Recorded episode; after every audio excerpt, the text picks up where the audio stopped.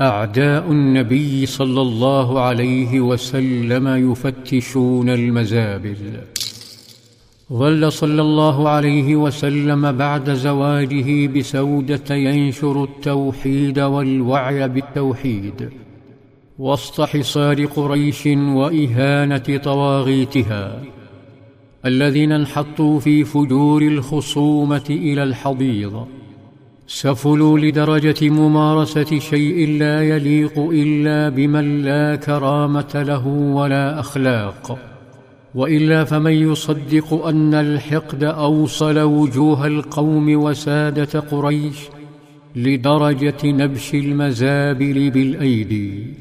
ليس بحثا عن درهم أو دينار أو جوهرة ثمينة. ولكن بحثا عن القذارة نفسها.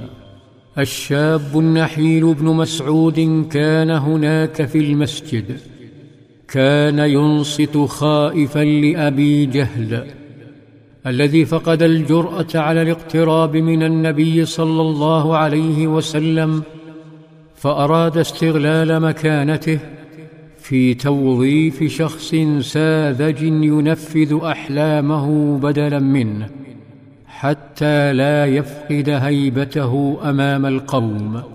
كان يهتف أيكم يقوم إلى سلا ناقة بني فلان التي ذبحت بالأمس؟ فيأخذه فيضعه على كتفي محمد إذا سجد. تقزز الجالسون.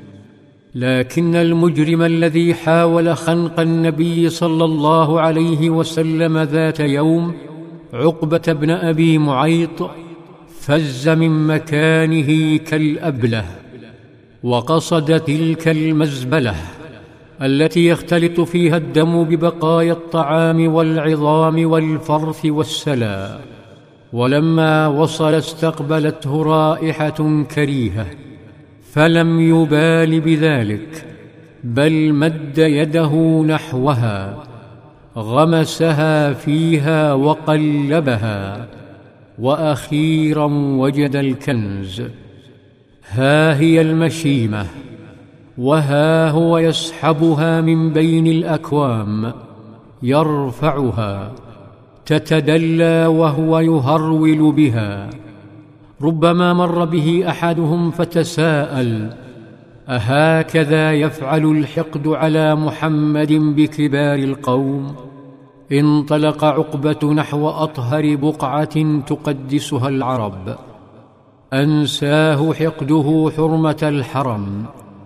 تجاهل أن الناس تقدره وتقدر قومه لأجل هذا الحرم.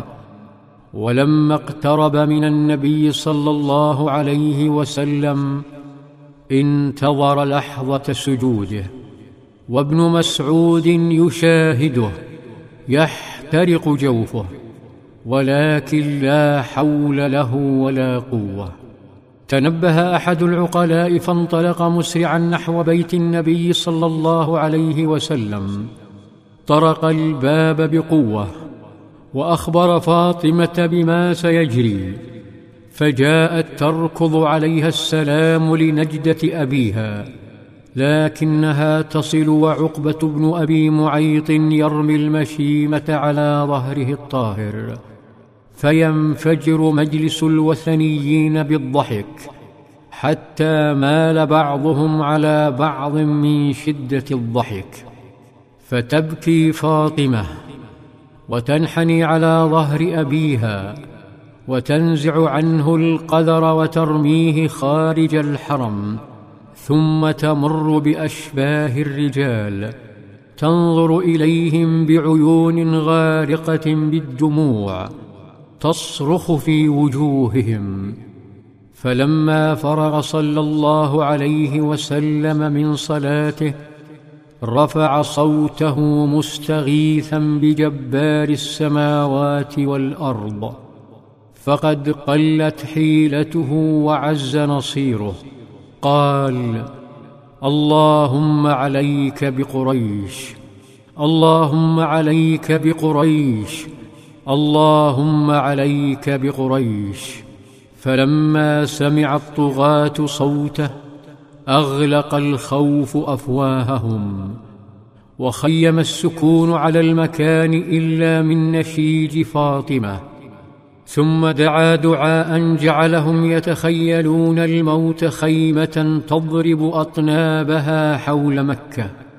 فقال صلى الله عليه وسلم اللهم عليك بأبي جهل بن هشام وعتبة بن ربيعة وشيبة بن ربيعة والوليد بن عتبة وأمية بن خلف وعقبة بن أبي معيط. ثم نهض صلى الله عليه وسلم حزينا وأخذ بيد ابنته التي تكفكف دمعها وتمسح عن ظهر أبيها آثار القمع الذي جعل مكة لا تطاق. فهل من سبيل للخروج من هذا المعتقل الكبير؟ في ظلال السيرة.